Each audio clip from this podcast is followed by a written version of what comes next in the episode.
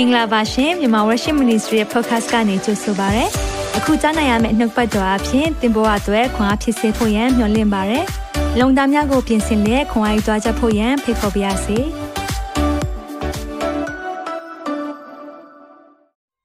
အားလုံးကိုပြန်လည်ကြိုဆိုပါရစေ။ဆိုတော့ကျွန်တော်တို့တွေအာတခါတည်းပဲကျွန်တော်တို့ secret weapon ကိုတခါတည်းထုတ်ရအောင်เนาะအားလုံး secret weapon ထုတ်ရအောင် part 3ဖြစ်သွားပြီเนาะဆိုတော့ကျွန်တော် part 1နဲ့2လွတ်သွားတဲ့လူတွေပြန်ကြည့်ပေးပါ YouTube မှာလည်းကျွန်တော်ပြန်တင်ပေးပါမယ်ဟုတ်ပြီ how do how to start a fast ဆိုတော့ဘယ်လိုအစပြုမလဲအစာရှောင်ခြင်းကိုဘယ်လိုအစပြုမလဲ နော်ဒါလေးကိုကျွန်တော်တို့မိခုမေးပါတယ်ဆိုတော့ကျွန်တော်တို့တွေကအစာရှောင်တော့မယ်ဆိုရင်တော့ထုံးစံတိုင်းပေါ့ထမင်းမချက်တော့ဘူးလို့တို့စတာလားဒါမှမဟုတ်ရင်အစာရှောင်တော့မယ်ဆိုပြီးတော့ကျွန်တော်တို့ကစားစရာရှိတာတွေအတကုံစားထားတာလား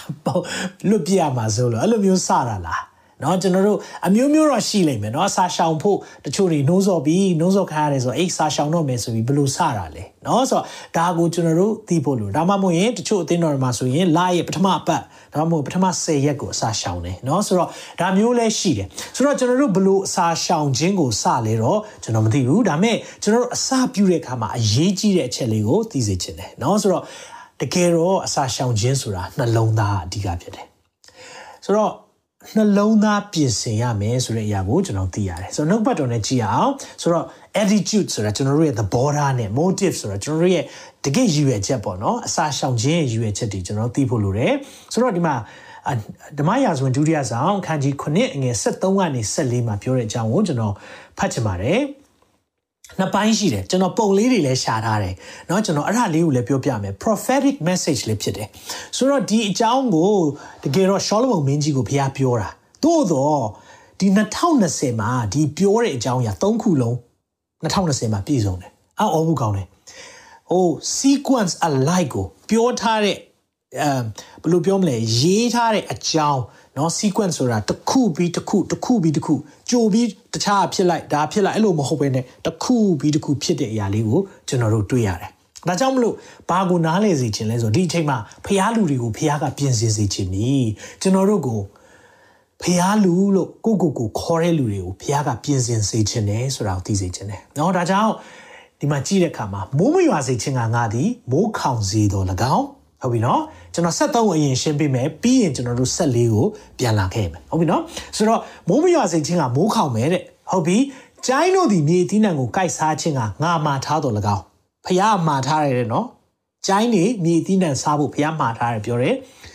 ငါလူတို့ကာလနာကိုစေလွတ်တော်၎င်းကာလနာကာလနာဆိုတာ pandemic ယောဂါတွေအခုဖြစ်နေတဲ့ covid-19 ဆိုတာကာလနာလို့ ကျန်းစာသုံးတဲ့စကားဖြစ်တယ်။ဒါတွေကိုကြည့်ပါဦးနော်။မိုးမရွာစေခြင်းကမိုးခေါင်နေတယ်။မိုးခေါင်ရင်ဘာဖြစ်လဲသိလား။အသီးနှံနေ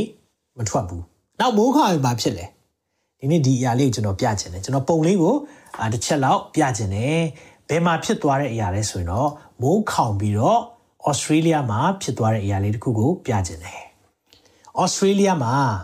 2020เนาะကျွန်တော်တို့အစောပိုင်းမှာဘာဖြစ်သွားလဲဆိုတော့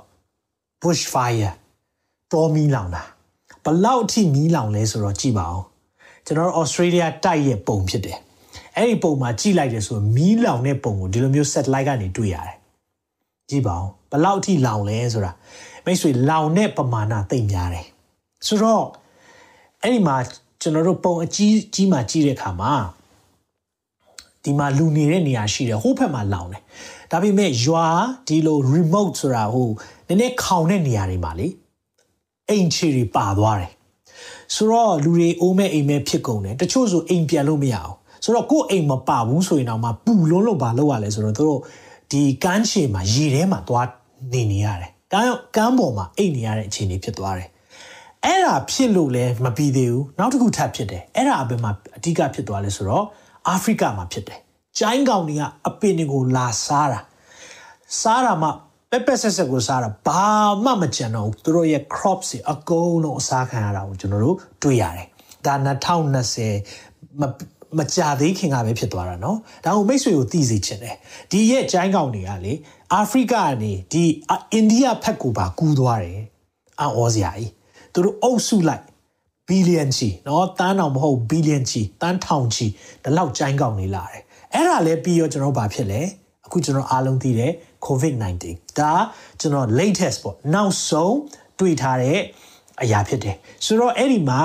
အဖြစ်အများဆုံးနဲ့အသေးပြောက်များဆုံးကအမေရိကဖြစ်နေတယ်เนาะဒီမှာမြေပုံထဲမှာကြီးတဲ့အခါမှာအပေါ်ဆုံးမှာတွေ့ရလိမ့်မယ်အဲ့ဒီမှာတွေ့တဲ့အခါမှာအမေရိကပြီးရင်ဘရာဇီးကလိုက်တယ်ပြီးရင်ရုရှားအိန္ဒိယ United Kingdom ပီရူစသဖြင့်အဲ့လိုလိုက်တဲ့အခါမှာအခုအချိန်မှာဖြစ်ပွားမှုဖြစ်ပွားသူပေါင်းက9.6 million 10သန်းနီးပါးဖြစ်တော့မယ်9သန်း ခွဲကျော်နေပြီเนาะ10သန်းနီးပါးဖြစ်တော့မယ်ဒါပေမဲ့အဲ့ဒီထဲမှာ4သန်း5သန်းနီးပါးပေါ့ဖြစ်တဲ့ထဲကတဝက်လောက်ကပြန်ပြီးတော့တက်တာပြောက်ခင်းတယ်ဒါပေမဲ့သေတဲ့ဥယျာဉ်ကိုကြည့်တဲ့အခါမှာ9သိန်းနီးပါးရှိတော့မယ်၄သိန်း၈9000ဆိုတော့9သိန်းနီးပါးဖြစ်တော့မယ်ဆိုတော့မိတ်ဆွေကိုကျွန်တော်ဗာပြောချင်လဲဒီနေ့ခုနကျွန်တော်တို့ဖတ်ခဲ့တဲ့နှုတ်ကပတ်တော်ကြည့်တဲ့အခါမှာဂျိုင်းကောင်နေရှိတယ်ပြီးရင်ကျွန်တော်တို့ဒီမှာကြည့်တဲ့အခါမှာဘာတွေ့ရလဲ မိုးမရွာစေခြင်းကငါသည်မိုးခေါင်စေတယ်မိုးခေါင်တာနဲ့ဘာဖြစ်ပြီလဲဆိုတော့မီးလောင်တာဆိုတော့ဩစတြေးလျမှာမိုးခေါင်တာတအားကိုခေါင်ခဲ့တယ်အဲ့ဒီကနေဒေါ်မီတွေလောင်ကုန်တာတော့ရေအရန်ရှားတယ်ဆိုတော့အဲ့လိုဖြစ်ပြီးတော့ကျိုင်းကောင်နေကြိုက်စားတယ်ပြီးတော့ကာလနာဘေးဖြစ်တယ်ဒီ၃ခုလုံးပြောမယ်ဆိုရင်တော့ရှောလမုန်မင်းကြီးကိုပဲပြောထားတယ်လို့ကျွန်တော်တို့ကသိပေမဲ့ဒီ၃ခုလုံးကဒီ2020မှာကျွန်တော်တို့မျက်ဝါးတင်တင်တွေ့ရတယ် ဒါဖခင်ကျွန်တော်တို့တခုစကားပြောနေပြီဆိုတော့သိကြတယ်မိတ်ဆွေခံစားရလားတော့မသိဘူးကျွန်တော်ဝိညာဉ်ထဲမှာခံစားဖို့ဖြစ်တယ်ကျွန်တော်ဝိညာဉ်ထဲကဒါကိုသိဖို့ဖြစ်တယ်ကျွန်တော်တို့စားလိုက်တောက်လိုက်အိတ်လိုက်သွားလိုက်ဒါမျိုးနဲ့ပဲအသက်ရှင်ပါလားဒါမှမဟုတ်ရင်ဖခင်ရဲ့လှုပ်ဆောင်မှုတွေမြင်တွေ့နေရတဲ့အခါမှာဒါတွေကိုကျွန်တော်တို့ဘယ်လိုမျိုးဖခင်ကလှုပ်စေခြင်းလဲအငယ်ဆက်လေးမှဒီလိုပြောပါတယ် ငါနာမဖြင့်သမုတ်သောငါလူတို့သည်တဲ့ဆိုတော့ဖခင်နာမနဲ့သမုတ်သောငါလူဆိုတာဘယ်သူပြောတာလဲယုံကြည်သူတွေကိုပြောတာကျွန်တော်တို့မိတ်ဆွေနဲ့ကျွန်တော်ကိုပြောတာအဲ့ဒီလူတွေကဘာလုပ်ရမလဲတဲ့နော်ဆိုတော့၄ခုလုပ်ဖို့လိုတယ်ကိုကိုကိုနှိမ်ချမယ်နော်နှိမ်ချမယ်ကိုမျက်နှာကိုငါမျက်နှာကိုရှာမယ်နော်ဆိုတော့ကိုကိုကိုနှိမ်ချမယ်ငါမျက်နှာကိုရှာမယ်ပြီးရင်ဆုတောင်းပတနာပြုမယ်တဲ့ဒါပဲမဟုတ်ပဲねအာဓမလမ်းကလွှဲရှောင်မယ်ဆိုတော့အပြစ်လုပ်တဲ့နေရာကနေလဲထွက်ခဲ့ပါ ဒီနေ့အာဓမလုတ်ရက်တီနော်ဖះမကြိုက်တဲ့အရာလှုပ်ခြင်းကနေထွက်ပြီးတော့နှိမ်ချစွာနဲ့ဖះမျက်နှာရှာပြီးဆုတောင်းမယ်ဆိုရင်ဖះဒီမှာဂတိပေးကြတယ်ငါသည်ကောင်းကင်ဘုံ၌နားထောင်မည်သူတို့အဖြစ်ကိုဖြည့်၍သူတို့ပြီကိုချမ်းသာပေးမည်တဲ့အာမင်မိတ်ဆွေဒါကိုတွေ့တဲ့အခါမှာလေဘာနာလေစေချင်လဲဒီလားဖះကကျွန်တော်တို့ကိုလေသူ့မျက်နှာရှာဖို့သူ့ရဲ့ရှေ့မှာကျွန်တော်တို့နှိမ်ချစွာနဲ့သူ့မျက်နှာရှာဖို့ ဒါဘာနဲ့သွားတူလဲဒီလားအစာရှောင်ဆူတောင်းခြင်းပဲ။ဘာကြောင့်လဲဆိုတော့အစာရှောင်ဆူတောင်းတယ်ဆိုတာကိုကိုကိုကိုအလိုညင်းပယ်တာ။ကိုစားခြင်းတဲ့အရာတွေကိုကြည့်ခြင်းတဲ့အရာတွေကိုလှုပ်ခြင်းတဲ့အရာတွေကိုခဏဖယ်ထားပြီးတော့ဖျားရှိမှလာတာ။ဒါကြောင့်မလို့ကျွန်တော်တို့ဖျားကဘာဖြစ်စေခြင်းလဲဘာရည်ရွယ်ထားလဲဆိုရင်တော့ကျွန်တော်တို့ရဲ့အသက်တာကိုဖျားတကယ်တော့လေဒီချိန်ကဖျားကလေသူနဲ့နီးဖို့ရအတွက်ဆွဲခေါ်နေတယ်။တခါမှမကြားဘူးတဲ့ end time အကြောင်းတွေเนาะကျွန်တော်လည်းတစ်ခါမှမဟောဘူးပါဘူး end time နဲ့ပတ်သက်ပြီးငငယ်ကလေးကတော့စိတ်ဝင်စားတယ်ကျွန်တော်လေ့လာတဲ့ဆရာကြီးတွေရှိတယ်သူတို့အကြောင်းတွေကြည့်ပြီးတော့ဝါအချိန်တွေနီးပြီးစသဖြင့်ဖြစ်ပေမဲ့ကျွန်တော်နှလုံးသားထဲမှာဒီအကြောင်းအရာတွေပြောဖို့ပဲနှိုးဆော်တဲ့အခါမှာဖခင်ကလည်းတကယ်ပဲသင်ကြားဖို့ပါ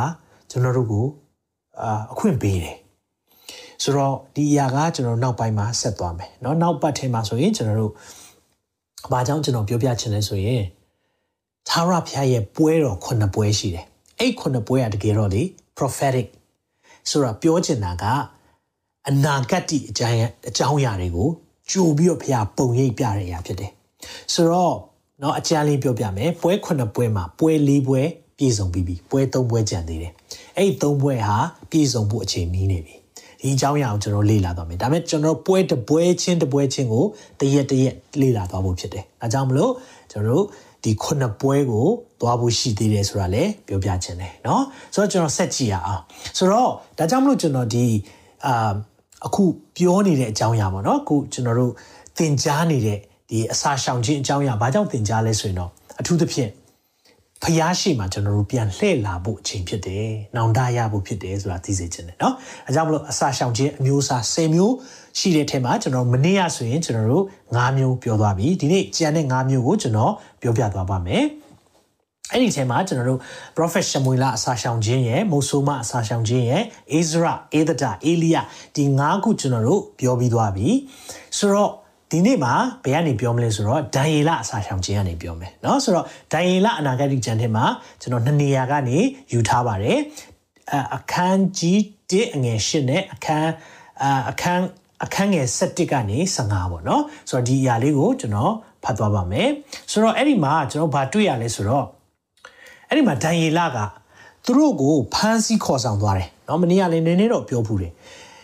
ဘာဘူးလုံဆိုတာအီရတ်ဖြစ်တယ်အီရတ်ဘီယင်ပေါ့နော်အီရတ်ဘီယင်လို့ပြောလို့ရတယ်ဘာဘူးလုံမင်းနေဘုခနေစာက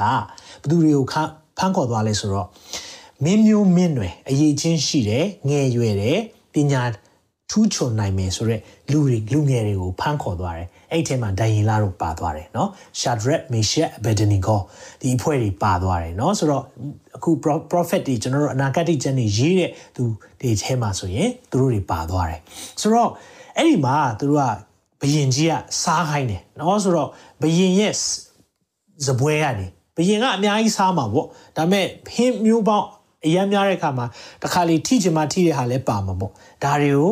အာဒီပညာရှိတွေပေါ့နော်ဒီအမတ်တွေကဒီလက်အောက်ငယ်သားတွေကစားကြတာပေါ့အဲ့ဒီအချိန်မှာဒန်ယေလမစားဘူးတဲ့။ဘာကြောင့်မစားလဲဆိုတာကိုဒီမှာပြောတယ်။ဆိုတော့ဒန်ယေလမူကပွဲတော်မှာကျွင်းကြံသောအစာနဲ့တောက်တော်မူသောစပည့်ကိုမတောက်မစားပဲညစ်ညူးခြင်းကိုရှောင်ပြီးဘာလို့ညစ်ညူးလဲဆိုတော့ရုပ်တုရှိမှပူဇော်တဲ့အရာဖြစ်နေတယ်။နော်ဆိုတော့ဘာဗုလုန်ရဲတိုက်ဆိုတာကဒါဖျားကိုမသိတဲ့ နော် pagan ရုပ်တုကိုးကွယ်တဲ့သူတွေဖြစ်တယ်ဆိုတော့ဒီအရာကိုညှဉ်းညူးတယ်ဆိုတာနော်ဂျူးတွေမစားတဲ့အစားအသောက်တွေရှိတယ်နော်ဥပမာဝက်သားတို့နော်ခွာကွဲတာစမြုပ်ပြန်တာနော်ခွာကွဲပြီးစမြုပ်ပြန်တဲ့အရာပဲစားလို့ရတယ်နော်ဆိုတော့ငားမာတောင်မှအကြီးခွန်မပါတဲ့အရာတွေပဲအဲအကြီးခွန်မပါတဲ့ငားတွေစားခွင့်မရှိဘဲနဲ့အကြီးခွန်နဲ့ပဟက်ပေါ့နော် ပါတဲ့အရာတွေပဲစားရတယ်ဆိုတော့ဒါတွေကိုကျွန်တော်နည်းနည်းလေ့လာကြည့်ဖူးတယ်เนาะဆိုတော့တချို့လူတွေဒါကျမ်းမာရေးနဲ့ပတ်သက်ပြီးတော့လည်းအာနည်းနည်းလေးဘုဟုတုရရအောင်လည်းပြောပြချင်တယ်เนาะဆိုတော့ဖျားရီအရာတွေမစားခိုင်းမဲနဲ့ဘာလို့ဖန်ဆင်းလဲနော်ဆိုမေခွန်းကဖះမစားစီခြင်းဘာလို့ဖန်ဆင်းထားလဲဖန်ဆင်းထားတယ်ဆိုတော့စားမှာပေါ့နော်စသဖြင့်ကျွန်တော်ပြောတာရှိတယ်နောက်နောက်တချို့ပြောတာဆိုရင်အာဖះကအရာအလုံးကို တန့်ရှင်းတယ်လို့ပြောထားပြီးပြီဆိုတော့စားလို့ရလားဆိုတော့ဒါကဒါမိတ်ဆွေရဲ့ခံယူချက်လည်းဖြစ်တယ်ဒါပေမဲ့ကျွန်တော်ကျွန်တော်ရှောင်တဲ့အစားအစာတချို့ရှိတယ်ဒါကတော့ကျွန်တော်ကျမ်းမာရေးရလည်းဖြစ်တယ်တစ်ချိန်တည်းမှာပဲဖះကမစားနဲ့လို့ပြောတဲ့အရာတွေမစားခိုင်းဘူးဥပမာအသွေးအသွေးဆိုကျွန်တော်မစားဘူးဘာလို့မစားလဲဆိုတော့ဓမ္မဟောင်းမှာရောဓမ္မသစ်ထဲမှာရောအသွေးမစားရဆိုရဲပါတယ် ဆိုတော့အသွေးမှာအသက်တည်တယ်ဒါပေမဲ့ကျွန်တော်တိတ်ပံနီးနဲ့ပြန်လေ့လာတဲ့အခါမှာဘာသွားတွေ့လဲဆိုတော့အဲ့ဒီအသွေးကတော်တော်ညစ်ပတ်တဲ့အရာဖြစ်နေယောဂပေါင်းစုံရှိတဲ့အရာဖြစ်နေဆိုတော့အသွေးစားပြီဆိုကြတဲ့ကဒီယောဂတွေကပါနေတာဆိုတော့ဖះမစားခိုင်းတဲ့အရာအကြောင်းရှိတယ်ဝက်ဆိုပါစို့ဝက်သားစားရင်အမြဲသွေးတိုးတယ်ဆိုတော့ဒါတွေကိုကျွန်တော်ရှောင်လိုက်တယ်နောက်ပဇွန်ဆိုရင်မစားအောင်ဘာမစားလဲဆိုတော့ပဇွန်ကကိုလက်စထရောအရန်တက်တယ်ငေါဆိုတော့ ဒါမျိုးလေးတွေကိုကျွန်တော်တို့ကျန်းမာရေးရှုထောင့်ကနေရှောင်နေဆိုရင်လည်းသိကောင်းတဲ့အရာဖြစ်တယ်ဒါပေမဲ့ဖះကသူ့နှုတ်ပတ်တော်ထဲမှာမစားနဲ့လို့ပြောတဲ့အရာမှာအကြောင်းအရာအများကြီးရှိတယ်ပေါ့နော်တချို့လည်းဒီအရာလေးတွေကိုအငင်းခုန်လုပ်ချင်တဲ့သူလည်းရှိကောင်းရှိလိမ့်မယ်စစ်ဒါကျွန်တော်ကမစားရလို့ပြောတာမဟုတ်เนาะကျွန်တော်မစားဘူးလို့ပြောတာအဲ့လိုပြောလို့ကျွန်တော်ကလောနောက်လိုက်နေတာလည်းမဟုတ်ဘူးเนาะအဲ့ဒါကိုလည်းသိစေချင်တယ်ကျွန်တော်လောနောက်လိုက်တာမဟုတ်ဘူးဒါပေမဲ့ဒီရဲ့ research ကိုတေချာလုပ်ကြည့်တဲ့အခါမှာမကြမ်းမာတဲ့အရာလေးတွေအများကြီးတွေ့ရတဲ့အခါမှာ ကျွန်တော်ရဲ့ကိုယ်ခန္ဓာအတန်ရှင်းသောဝိညာဉ်တော်ရဲ့ဗိမာန်လေဒါကြီးကိုကျွန်တော်ညှဉ်းညူးအောင်တော့မလုပ်ချင်ဘူးเนาะဆိုတော့ဒိုင်လာလည်းထုံနေ၎င်းပဲဒီအရာလေးကိုညှဉ်းညူးအောင်မလုပ်ချင်တဲ့အတွက်မစားဘူးလို့သူကပြောတယ်ဆိုတော့အဲ့လိုပြောတဲ့အခါမှာအဲ့ဒါမစားလို့မရဘူးလေစားမှရမယ်မစားရင်ဘယင်မင်းကြီးကဟောကျွန်တော်ကိုပြစ်ရှာမှာပေါ့စသဖြင့်ပြောလာတဲ့အခါမှာဒိုင်လာပြန်ပြောလိုက်တယ်ထို့အခါဒိုင်လာဟာနနီမိလေရှာအာဇရီเนาะဆိုတော့ အဲ့ဒီလူတွေကဟိုသူတို့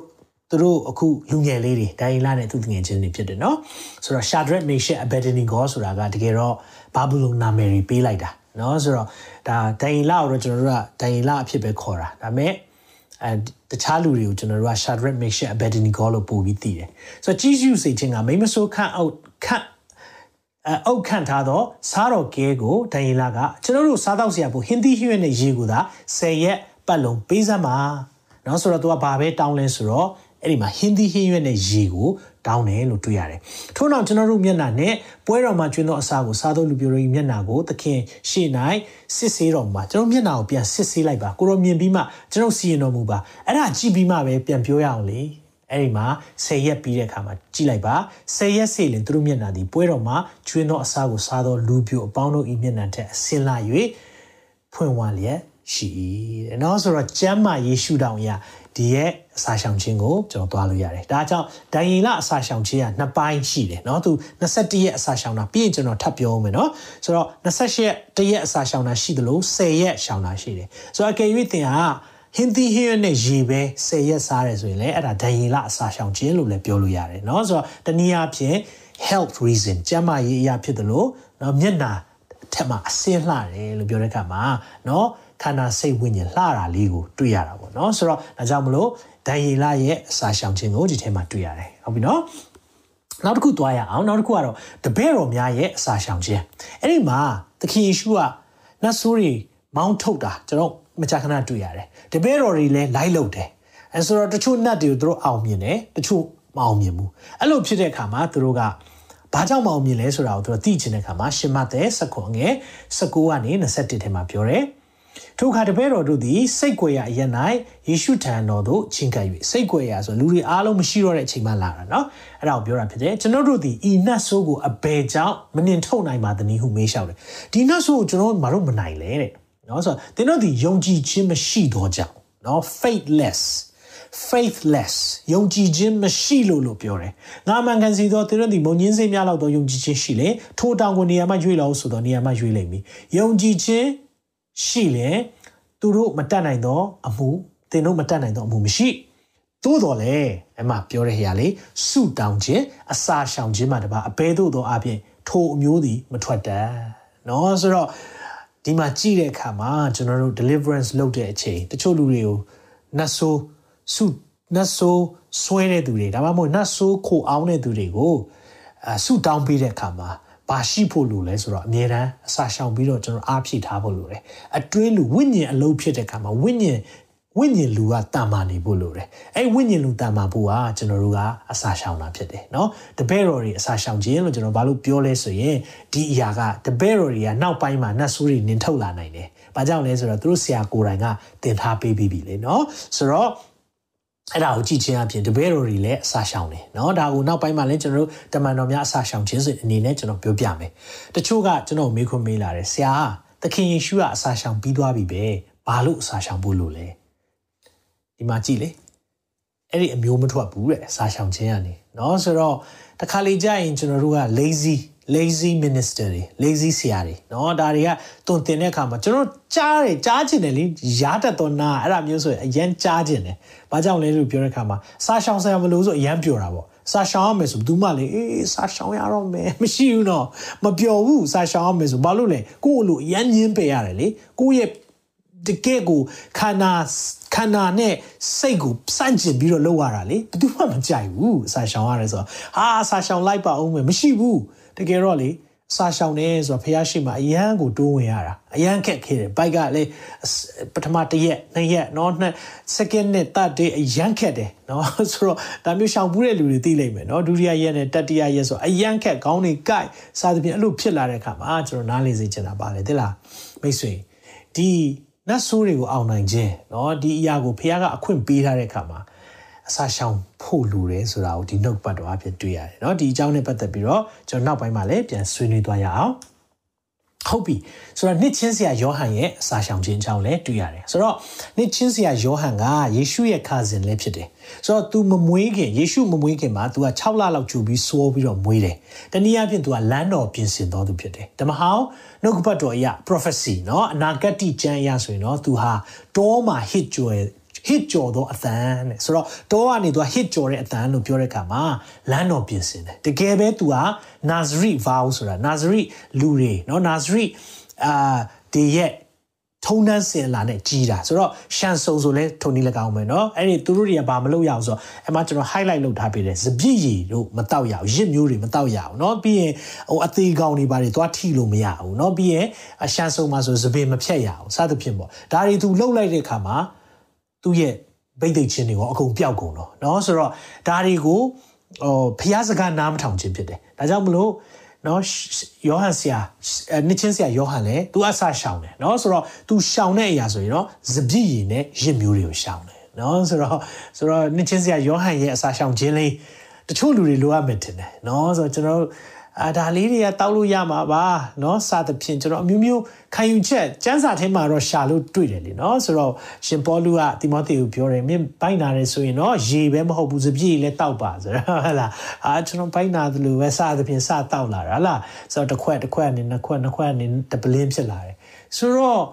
တကယ်တော့လေလူတွေက excuse ရှာခြင်းတယ်ဆိုရင်ရှာလို့ရတာအများကြီးပဲဒါပေမဲ့မိတ်ဆွေနဲ့ဖျားကြတဲ့မှာပါရှိလေเนาะဒါသိဖို့လိုတယ်ဆိုတော့အဲကျွန်တော်ကတော့ ဒီနှစ်ချင်းစရာယောဟန်ရဲ့အစာရှောင်ခြင်းကိုကျင့်သုံးတယ်เนาะရစ်မျိုးတွေစပြည့်ရည်တွေလုံးဝမထိပါဘူးเนาะဆိုတော့ဒီအရာတွေကိုဖျားမကြိုက်ဘူးကိုကိုကိုမထိန်နိုင်မှာဆိုတာသိတယ်เนาะဆိုတော့အာဒီအရာလေးတွေကိုဆင်ခြင်တဲ့အခါမှာเนาะဖျားကသူ့ကိုဘာနဲ့ပြည့်စီလဲပိတ်သိက်ချင်းမှာတခါတည်းပြောပြတယ်เนาะ16မှာကြည့်မယ်ဆိုရင်အင်းဒီလာမျိုးသားအာ အမျိုးသားတို့ကိုတဲ့သူတို့ဖျားခင်ထာဝရဖျားထံတော်မှာပြောင်းလဲစေမယ်ဆိုတော့လူတွေအများကြီးသူအဖြစ်နောင်တရမယ်အဘတို့နဲ့သားတို့သည်အသင့်တင့်ဖြစ်စေခြင်းက၎င်းညှင်းဆန်သောသူတို့သည်သူတို့ကောင်း၏တတိပညာလန်းသို့ပြောင်းလဲစေခြင်းက၎င်းထာဝရဖျားအဖို့လူငါပြင်ဆင်သောလူမျိုးဖြစ်၍ဖြစ်စေခြင်းက၎င်းသူသည်အေလိယ၏စိတ်ဝိညာဉ်ကို spirit of elijah နော်ဆိုတော့အေလိယ၏စိတ်ဝိညာဉ်တကူနှင့်ပြည့်စုံလျက်ဘုရားသခင်ရှိတော်သို့သွားလိမ့်မည်ဟုကောင်းကင်တမန်ပြောဆို၏တဲ့နော်ဆိုတော့ဒီဟာ तू तू ဒီလိုလုပ်ရမယ်တဲ့ ဒါမျိုးလှုပ်ထားတယ်ဆိုတန်ရှင်းသောဝိညာဉ်တော်နဲ့ပြည့်ပြီးရင်သူ့ရဲ့သက်တာမှာထူးခြားမယ်ဆိုတာ prophecy ရရှိပြီးသားပဲတကယ်လေရှင်ယောဟန်ကထွက်လာတဲ့အခါမှာเนาะတကယ်ဆိုရင် तू ကသူ့အဖေဆိုရင်လည်းယေဘရဟိမျိုးပဲတကယ်ဆိုရင် तू ကတော့ဟို rabbi ပဲလုပ်ရမှာเนาะဆိုတော့တကယ်ကိုဟို sahindran ပေါ့เนาะဆိုတော့အသက်ကြီးတော့သူ80ဒီဒီအာအေဒီလာအမျိုးထဲမှာဖွဲ့စည်းထားတဲ့အဖွဲ့အစည်းပေါ့နော်ဒီလိုအဖွဲ့တွေထဲမှာ तू က ကြီးကဲဖြစ်နိုင်တာလေဒါပေမဲ့ तू ကအဲ့လိုမဟုတ်ပဲတောမှနေပြီးတော့ပြားရည်နဲ့ကြိုင်းကောင်နေစားပြီးတော့အဲ့လိုပဲနေလာပြီးတော့မှ hey repent तू စပြီးတရားဟောတဲ့ခါမှာနောင်တရနောင်တရဆိုတော့အဲ့မှာအများကြီးကနှချင်းခံကြတယ်နော်ဆိုတော့အဲ့ဒါတွေ့တဲ့ခါမှာယေရှုလာတဲ့ခါမှာသူတွေ့တယ်ငါတို့အပြစ်ကိုဆောင်သွားတော့သိုးစငယ်တဲ့နော်ဆိုတော့ဒါကိုတွေ့ချင်အဖြစ်နှချင်းဆရာရောဆရာဆရာယောဟန်လည်းအစာရှောင်တယ်နော်နောက်ကျမ်းပိုက်တစ်ပိုက်မှာဆိုဘာပြောလဲဆိုတော့သူ့တပည့်တွေကသခင်ယေရှု နဲ့သူ့တပည့်တွေကအစာမရှောင်တော့လာပြောတယ်ငါတို့ဆရာယောဟန်ရှောင်တော့မင်းတို့ကဘာလို့မရှောင်လဲတဲ့နော်ဆိုတော့ဒါကိုကြည့်ချင်းအဖြစ်လဲနေ့ချင်းဆရာယောဟန်တို့အဖွဲ့တွေကအစာမကြာခဏရှောင်တယ်ဆိုတာကိုတွေ့ရတယ်နော်ဟုတ်ပြီဆိုတော့တမန်တော်များရဲ့အစာရှောင်ခြင်းကြောင့်လည်းပြောမယ်เนาะကျွန်တော်တပည့်တော်နဲ့တမန်တော်ကိုဒီမှာခွဲထားတယ်။ဘာကြောင့်လဲဆိုတော့တမန်တော်တွေကြတော့သခင်ယေရှုတက်ကြွပြီးမှကျွန်တော်တို့အာကြံခဲ့တယ်เนาะပေတီတို့အဖွဲ့တွေတပည့်တော်တွေပါပဲဒါပေမဲ့ကျွန်တော်တို့အဲ့ဒီအဖွဲ့တွေတော်တော်များများဥမာ အာဘာနီဘတ်တို့เนาะနောက်ပြီးရင်ရှောလူတို့เนาะရှောလူပေါ်လူဖြစ်လာတဲ့ရှောလူတို့စသဖြင့်ဒီအဖွဲ့တွေပါလာတဲ့အခါမှာကျွန်တော်တို့ကတမန်တော်ဆိုပြီးတော့ကျွန်တော်ပြောင်းပြီးသုံးထားတာဖြစ်တယ်เนาะဒါပေမဲ့ဒါ biblical ဖြစ်တယ်တမန်တော်ဝတ္ထုထဲကဖွင့်လို့တမန်တော်များရဲ့အစာရှောင်ခြင်းလို့ကျွန်တော်ခေါင်းစဉ်ပေးထားတယ်အဲ့မှာကြည့်ရအောင်တမန်တော်ဝတ္ထုအခန်းကြီး73အငယ်1ကနေ3ကဘယ်လိုပြောလဲဆိုတော့အဲ့ဒီမှာဘယ်သူတွေရှိကြလဲဆိုတော့ Antioch ဆိုတာ Antioch နောက်အခုချိန်မှာ Turkey တူရကီနိုင်ငံမှာရှိတယ်ကျွန်တော်ရောက်ဘူးတဲ့အဲ့မျိုးကိုအခုဝမ်းနေဖို့ကောင်းတယ် ဖျားကိုတိတဲ့လူတအားရှားသွားပြီเนาะအဲ့မြို့မှာရာခိုင်နှုန်းအနည်းငယ်ပဲရှိတော့တယ်ကျွန်တော်တို့တွေစန်းစာအုပ်တောင်မှကင်သွားလို့မရဘူးအဲ့နေရာမှာရောက်သွားတယ်เนาะဆိုတော့အာအတီယုံမြို့တွေရှိတော့အတင်းတော်မှာဘာနိဘမဆာ၍နိဂါဟုခေါ်ဝသောရှုမောင်ကုရိနေပိဒါလူကီဆောဘဟီရိုဤတငယ်ချင်းအရင်ဖြစ်သောမာနင်နဲ့ ရှောလူတီဟူသော prophet ပြုသူဆရာပြုသူအဲ့ရှောလူဆိုတာပေါလုပြောတာနော်ဆိုတော့ထိုသူတို့ဒီဖျားသခင်ဝတ်ကိုပြုပြီးအစာကိုရှောင်ကြစဉ်သူတို့ဖျားဝတ်ကိုပြုပြီးအစာရှောင်တဲ့အခါမှာတဲ့တန်ရှင်းသောဝိညာဉ်တော်အော်ဖျားစာအလုပ်လုပ်ပြီးဘာကြောင့်လဲဝိညာဉ်ကိုအစာကျွေးပြီးတော့ဝိညာဉ်အတွက်ပြုစုတဲ့အခါမှာအတွင်းလူဟာအတွင်းလူဖြစ်တဲ့ဝိညာဉ်လူဟာစပြီး လှုပ်လှုပ်တယ်เนาะဆိုတော့တန်ရှင်းသောဝိညာဉ်တော်ကငါခန့်ထားသောအမှုကိုဆောင်ရွက်စေခြင်းကတဲ့သူ့ကိုဘသူတွေကိုလွှတ်လိုက်မယ်လဲဆိုတော့ဘာနေဘာနဲ့ရှောလူတို့ကိုရွေးချယ်ခွဲထားကြလောဟုမိန်တော်မူသည့်အတိုင်းအစာရှောင်၍ပထနာပြုလျက်သူတို့ကိုခေါင်းပေါ်မှာလက်ကိုတင်၍လွှတ်လိုက်ကြ၏တဲ့เนาะဆိုတော့အဲ့ဒီမှာတွေ့တဲ့အခါမှာ ဖះကသူတို့ကိုနော် sending away လို့ခေါ်တာပေါ့နော်ဗိတ်သိက်ပေးပြီးတော့ဆူတောင်းပြီးလွှတ်ကြတယ်နော်ဆိုတော့ဒါလေးတွေကကျွန်တော်တို့ဒါကြောင့်မလို့အာတယောက်ယောက်ကိုခွဲခတ်မှသားတော့မယ်ဆိုလက်တင်ဆူတောင်းပြီးတော့လွှတ်တာများတယ်ဒါကိုကြည့်ခြင်းအဖြစ်ပေါ့နော်ဆိုတော့ အဲ့လိုတွေ့တဲ့အခါမှာတမန်တော်ကြီးအစာရှောင်ကြတယ်ဆိုတာကိုတွေ့ရတယ်ဒါပဲလားလို့ပြောတဲ့အခါမှာနောက်တစ်နေရာမှာလည်းရှိပါတယ်တမန်တော်ဝတ္ထုခန်းကြီး14ငွေ23မှာအသင်းတော်များတို့၌သင်းအုပ်တို့ကိုခံထား၍တဲ့เนาะအဲ့ဒီကကျွန်တော်ဟိုနေ့ကနည်းနည်းပြောပြီးပြီအစာရှောင်လဲဆူတောင်းပတနာပြုပြီးလဲသင်းဝင်သူယုံကြည်သောတော့ဖျားသခင်ဤလက်တော်တို့ထိုအသင်းတော်ကိုအနံကြ၏เนาะဆိုတော့ဖျားရဲ့အသင်းတော်နဲ့ပတ်သက်ပြီးတော့တခုခုခွဲခတ်မှတ်သားတော့မယ်သင်းအုပ်လို့ပြောတဲ့အခါမှာဒါ ဒါ elder လို့သုံးထားတယ်เนาะတနည်းအားဖြင့်ကျွန်တော်တို့သိတယ်သင်းထောက်လူကြီးတွေနော်ဆိုတော့တင်းထောက်လူကြီးတွေဒါတင်းတင်းတော်ကိုအုပ်ချုပ်သောသူသူတွေပေါ့နော်တင်းအုပ်လို့ကျမ်းစာထဲမှာသုံးထားတယ်ပေါ့နော်ဆိုတော့ဒါကိုကြည့်ခြင်းအပြင်ဒီလူတွေကိုခွဲခတ်မှတ်သားတော့မယ်လို့ပြောတဲ့အခါမှာဆုတောင်းပတနာပြုတယ်နော်အစာရှောင်ပြီးတော့ကိုဆုတောင်းပြီးတော့မှခွဲခတ်မှတ်သားတယ်ဆိုတာတွေ့ရတယ်ကျွန်တော်တို့ကဘယ်လိုခွဲခတ်လဲ ပတ်စံရှိလားပညာရှိလားနည်းနည်းစွာကျယ်လားစသဖြင့်ဒါတွေကိုကြည့်ပြီးမှခွဲခတ်တဲ့အခါမှာရေရှည်မှာအသင်းတော်မှာအစင်မပြေမှုမြောက်များစွာတွေ့ရတယ်နော်ဒါလည်းသင်ယူစရာဖြစ်တယ်။ဒါကြောင့်တမန်တော်ရဲ့အစာရှောင်ခြင်းတွေကခွဲခတ်မှတ်သားတော့မယ်ဖျားဖျားအမှုတော်ကိုဆောင်ရွက်မဲ့သူတွေဟိုပြင်ဆင်တော့မယ်ဆိုရင်အစာရှောင်တာဖြစ်တယ်။ဒါကြောင့်မလို့မိတ်ဆွေအသင်ရဲ့ဘဝမှာတယောက်ယောက်ကိုเนาะအမှုတော်မြတ်ထဲမှာစက္ကအနံဖို့ရန်အတွက်ရှိပြီဆိုရင်အစာရှောင်ပါ ဖခင်ရဲ့ခွဲခတ်မှတ်သားခြင်းဘသူ့ကိုခွဲခတ်မှတ်သားမလဲမသိဘူးဆိုရင်အစာရှောင်ဆူတောင်းပါဆိုတဲ့အရာကိုဒီတမန်တော်များရဲ့အစာရှောင်ခြင်းအပြင်ကျွန်တော်သင်ယူနိုင်တယ်။ဟုတ်ပြီနောက်တစ်ခုကြည့်အောင်။ဒါကတော့သခင်ယေရှုခရစ်တော်ရဲ့အစာရှောင်ခြင်း။ဆိုတော့သခင်ယေရှုအစာရှောင်တယ်ဆိုတာကိုကျွန်တော်တို့သိပြီးသားဖြစ်တယ်။ဒါနဲ့ပတ်သက်ပြီးတော့ကျွန်တော်တို့ရှင်မသက်ခရစ်ဝင်ခန်းကြီး၄ထဲမှာလည်းတွေ့ရတယ်เนาะဆိုတော့ထိုအခါမှာနဲ့ဤစုံစမ်းသွေးဆောင်ခြင်းကိုခံစီမိအကြောင်း။အော်မာနရဲ့စုံစမ်းသွေးဆောင်ခြင်းကိုခံဖို့တဲ့။ ဘသူကလွတ်လိုက်တယ်ထင်လဲဝိညာဉ်တော်သည်တဲ့။ယေရှုကိုတောသူပို့ဆောင်တယ်တခါလေကျွန်တော်တို့ကစုံစမ်းနှောက်ယှက်ခြင်းတွေကိုစာတန်ကပဲပေးတယ်လို့ထင်တဲ့အချိန်အများကြီးရှိတယ်တခါလေမှာဖခင်ကလေကျွန်တော်တို့ကိုစုံစမ်းနှောက်ယှက်ခြင်းသွေးဆောင်ခြင်းကိုခံဖို့ရန်အတွက်လမ်းဖွင့်ပေးတဲ့အချိန်တွေအများကြီးရှိတယ်။ဘာကြောင့်လဲ။တင့်ကိုယဉ်ကျေးစေခြင်းနဲ့တင့်ကိုဝိညာဉ်ထဲမှာတာ၍နောက်တစ်ဆင့်ရောက်စေခြင်းနဲ့ မခံနိုင်တဲ့စုံစမ်းခြင်းလည်းမပေးပါဘူး။ထွတ်မြောက်ရလမ်းလည်းပြင်ထားပေးတယ်လို့ကျမ်းစာထဲမှာပြောထားတယ်။ဒါဆိုရင်ဒီလိုပို့တာမကောင်းကြောင်းပို့တာလည်းမဟုတ်ဘူး။ပြီးရင် ဒီဟာပို့တဲ့ဟာကဆုံးမဖို့လည်းပို့တာလုံးဝမဟုတ်ဘူး။ဘာကြောင့်လဲလို့ပြောတဲ့အခါမှာအောင်နိုင်ဖို့ပို့တာဖြစ်တယ်။အာမင်။ဒါကြောင့်မလို့ကျွန်တော်ဒီအရာလေးကိုပြန်ပြောချင်တယ်။ဖခင်ကကျွန်တော်တို့ကိုစုံစမ်းသွေးဆောင်ခြင်းကိုခွင့်ပြုတယ်ဆိုရင်အောင်နိုင်ဖို့ဖြစ်တယ်။ဟာလေလုယာ။ဖခင်ကစုံစမ်းသွေးဆောင်ခြင်းကိုခွင့်ပြုတယ်ဆိုရင်နော်ခွင့်ပေးတာဖခင်ကကျွန်တော်တို့စုံစမ်းတာမဟုတ်ဘူးနော်။စုံစမ်းသွေးဆောင်ခြင်းကိုခွင့်ပေးတယ်ဆိုရင်အောင်နိုင်ဖို့အခွင့်ပေးတာဖြစ်တယ်ဟာလေလုယာဒါကြောင့်ယေရှုသည်အရက်40ပတ်လုံး အစာအာဟာရကိုမသုံးဆောင်ပဲနေပြီးမှမွတ်သိမ့်ခြင်းတို့ရောက်တယ်မှန်တာပေါ့ရက်40လုံးအစာမစားမှတော့အရန်မွတ်သိမ့်ပဲအဲ့ဒီချိန်မှာစုံစမ်းခြင်း၃မျိုးနဲ့လာတယ်ပထမတစ်ခုကတော့သိချတာပေါ့ဗိုက်စာပြီဆိုမှတော့အစားနဲ့ပဲလာပြီเนาะဆိုတော့ကြောက်ခဲကိုမုံလို့ပါ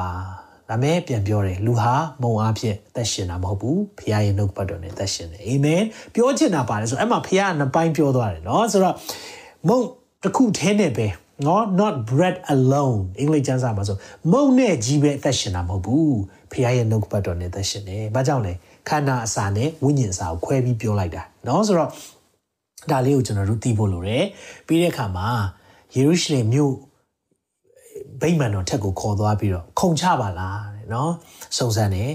တင့်ကိုကြောက်နေမထိမခိုက်စေဖို့တင်းရဲ့ကိုးကွယ်နော်တင်းရဲ့အဲ ရက်တီခြင်းပေါ့နော်တင်းဖျားရဲ့နှုတ်ကပတ်တော်မှာတကယ်ရက်တီသလားဆိုတာကိုသိချင်တဲ့အခါမှာဘယ်ကျမ်းပိုက်နဲ့လာတယ်ချင်လဲ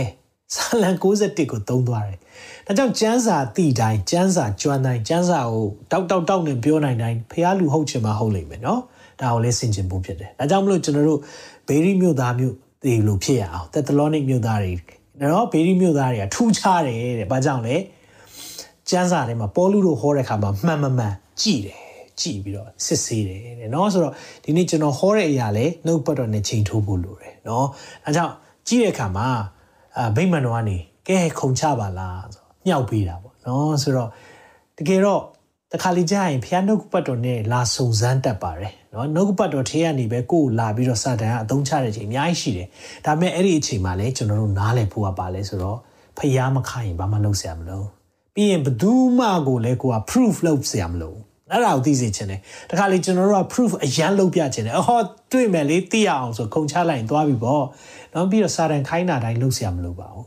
နောက်ပြီးရင်သိရင်ကိုးကွယ်ခြင်းကိုတိုက်ခိုက်တယ်တိုင်းနိုင်ငံတွေပြပြီးတော့အားလုံးကပြီးမယ်သိရင်ကိုးကွယ်ခြင်းလာတိုက်ခိုက်တယ်တခုပြောပြချင်တယ်သိရင်အစာတကယ်ရှောင်ပြီဟဲ့ဆိုရင်လေစုံစမ်းခြင်းမြဲလာတယ်အစာရှောင်ပြီဆိုရင်စုံစမ်းခြင်းလာတယ်အစာရှောင်ပြီးတိုင်းเนาะစုံစမ်းခြင်းလာတတ်တယ်ဆိုတာကိုလည်း မမေ့နဲ့ဒါဆိုရင်စာမရှောင်တော့ဘူးစုံစမ်းခြင်းလာခံလာမှာဆိုလို့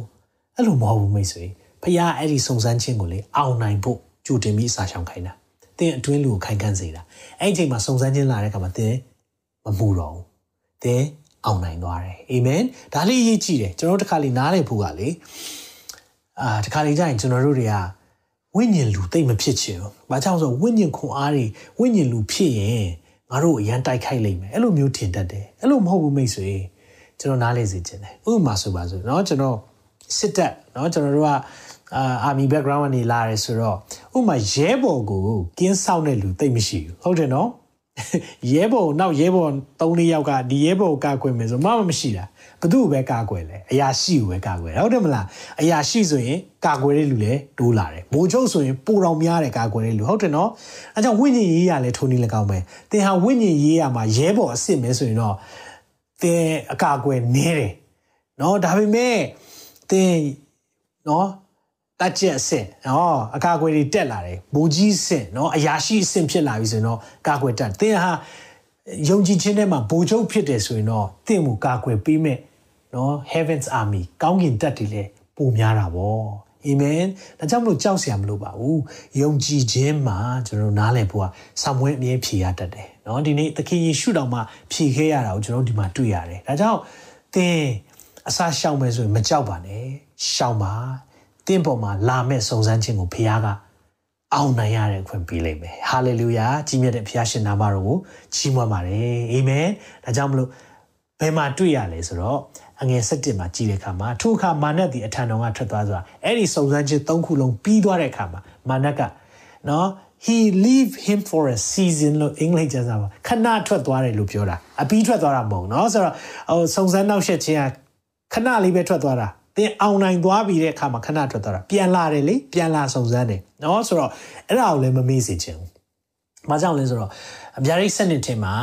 နော်ငါတို့ယုံကြည်သူများနော်ငါတို့ညီကိုများကိုဘုရားသခင်ရှိတော်မှာနေညမပြတ်အပြစ်တင်တယ်တဲ့ accuser of brethren တဲ့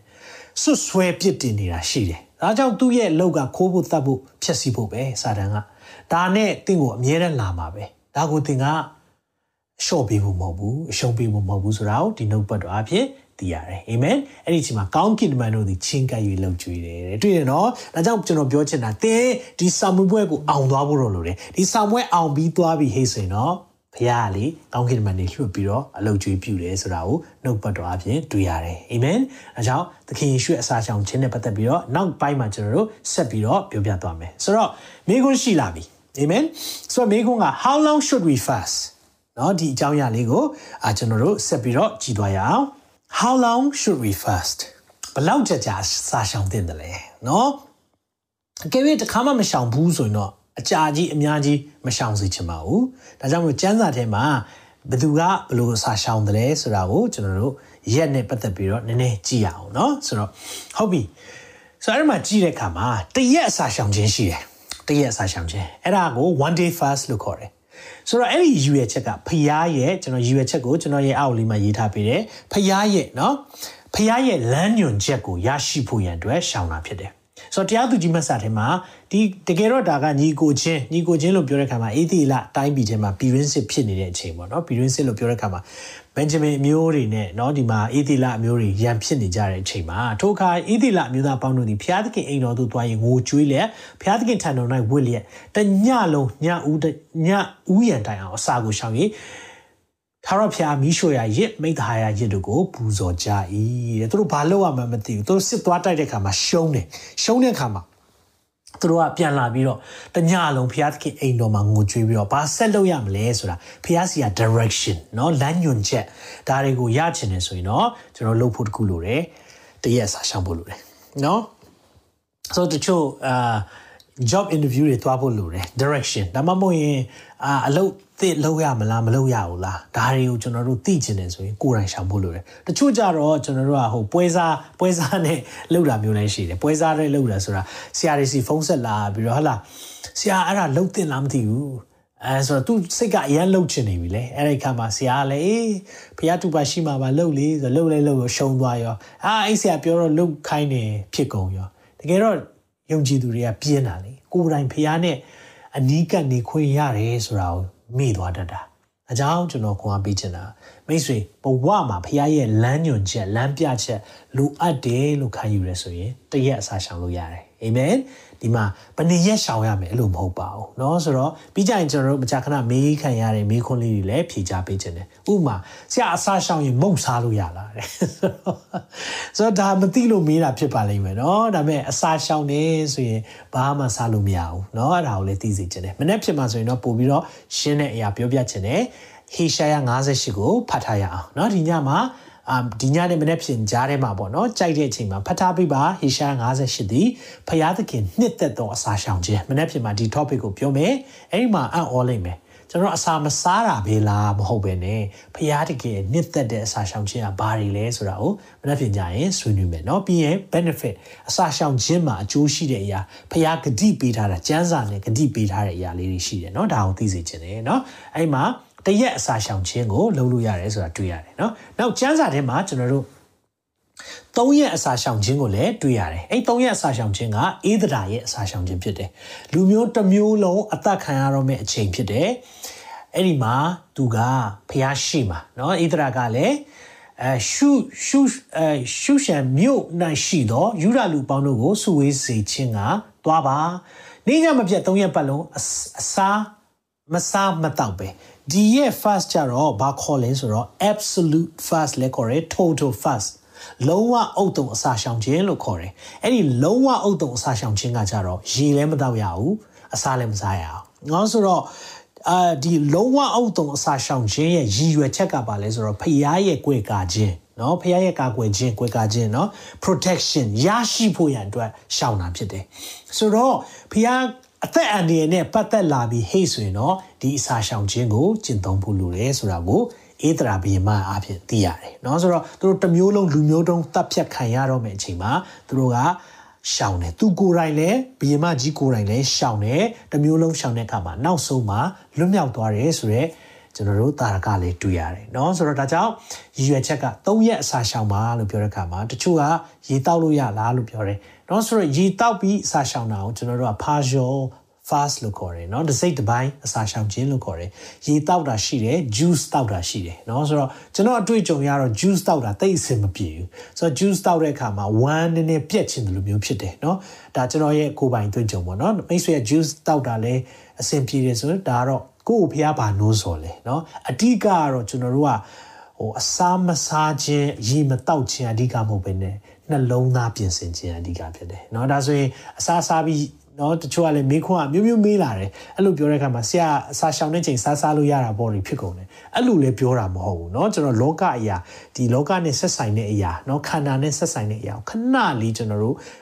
ဖြတ်ထားပြီးတော့ဖျားရဲ့အထက်အရာเนาะဆိုတော့လောကအရာကိုဖြတ်ဖျားအရာနဲ့ဆက်เนาะလောကအရာကိုဖြတ်ဖျားအရာနဲ့ဆက်သွယ်ခြင်းကိုစာရှောင်ခြင်းလို့ခေါ်တယ်เนาะဒါ၃ရက်စာရှောင်ခြင်း ပထမတစ်ခုတွေ့ရတယ်နောက်၃ရက်စာရှောင်ခြင်းကိုဘသူဘသူလုတ်သေးလဲဆိုရင်ရှောလူလုတ်တယ်အဲ့ရှောလူကတခြားလူမဟုတ်ပါဘူးကျွန်တော်တို့သိတယ်เนาะဓမ္မသစ်ကျမ်းစာ၃ပုံ၂ပုံရေးခဲ့တဲ့ရှင်ဘောလူဖြစ်တယ်เนาะတမန်တော်ကြီးရှင်ဘောလူကသူ့နာမည်အရင်တော့နာမည်က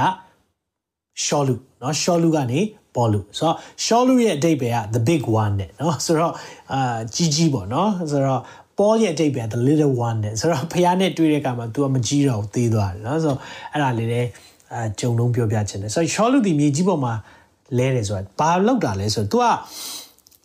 ခရီးယန်တွေကိုညှင်းဆဲတပ်ဖြတ်မလို့ तू ကစူးစမ်းနေတာအဲ့ဒီအချိန်မှာ तू ကအဲ့တော့ခရီးယန်မဟုတ်ဘူး तू က opposition opposition ဆိုတာတကယ်ဆန့်ကျင်တဲ့ तू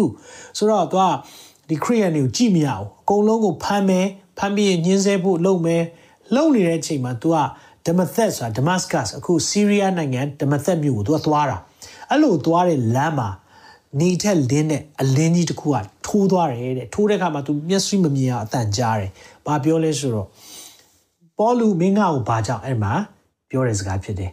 ရှောလူရှောလူဘယ်ကြောင့်ငါ့ကိုညင်းစေတဲ့နည်းဟုမိမိအားပြောတော့အတန်ကိုကြားတယ်တဲ့သခင်ကိုရောဒီအဘယ်သူနည်းကိုရောဘသူလဲအတန်ကြားတော့ သခင်ဖျားကလည်းငါကသင်ညင်းစေသောယေရှုဖြစ်တယ်ဒါပေမဲ့ तू ယေရှုကိုညင်းစေတာမဟုတ်တာယေရှုရဲ့နောက်လိုက်ကိုညင်းစေတာလေယေရှုနောက်ကိုလိုက်ဖို့ဆုံးဖြတ်တဲ့ခရိယန်တွေကိုညင်းစေတာလေဒါပေမဲ့ဖခင်ကဘယ်လိုသတ်မှတ်လဲယုံကြည်သူတွေကိုညင်းစေခြင်းဟာသူ့ကိုညင်းစေခြင်းနဲ့အတူတူပဲအဲ့လိုသတ်မှတ်တာမိတ်ဆွေဖခင်ကျွန်တော်တို့အလောင်းထိချစ်တာဖြစ်တယ်အာမင်ဆိုတော့အဲ့မှာကြည့်တဲ့အခါမှာငယ်6ကိုကြည့်အောင် သို့တော်လည်းထား၍မြို့တော်ဝင်လောတင်ပြရမည့်အမှုကိုပြောလိုက်မည်ဟုမိန့်တော်မူ၏ရှောလူနှင့်အတူသွားသောသူတို့သည်အတန်ကိုကြားယုံများသာရှိ၍ဘယ်သူကိုမျှမမြင်ပဲမိန်မောတူဝီလျက်ရဲနေကြသူအဖွဲနဲ့သွားတာအားလုံးကလည်းဟာဘာတွေဖြစ်ကုန်လဲမသိဘူးဆိုမိန်မောတူဝီတယ်ရှောလူသည်လည်းမြင်မှထားရင်မျက်စိကိုဖွင့်တော့လဲဘယ်သူကိုမျှမမြင်နိုင်မျက်စိကန်းသွားတယ်အိန္ဒိယတအားလင်းတဲ့အလင်းလင်းတဲ့ခါမှာသူ့မျက်စိကန်းသွားတယ်သူ၏လက်ကိုဆွဲ၍ဓမ္မသက်မြို့သို့ပို့ဆောင်တယ်အမှဓမ္မသက်တော့ရောက်သွားတယ်ဒါပေမဲ့လက်ဆွဲပြီးတော့ blind ဖြစ်သွားတယ် အဲ့ဒီချိန်မှာတဲ့အငယ်ကိုမှ highlight လုပ်ထားပေးတယ်။သုံးရက်ပတ်လုံးမျက်စိမမြင်မစားမတောက်ပဲနေတယ်။အဲ့ဒီမှာလည်းမစားလည်းမစားဘူးမတောက်လည်းမ။ဘာလို့ဆို तू तू တကယ်ကိုဟိုအသက်အန္တရာယ်ကိုတွေ့သွားပြီလေ။ तू တရေရှင်ဖြစ်သွားပြီ။နောက်ဆုံးချိန်နေ तू နဖူးတွေဒူးတွေ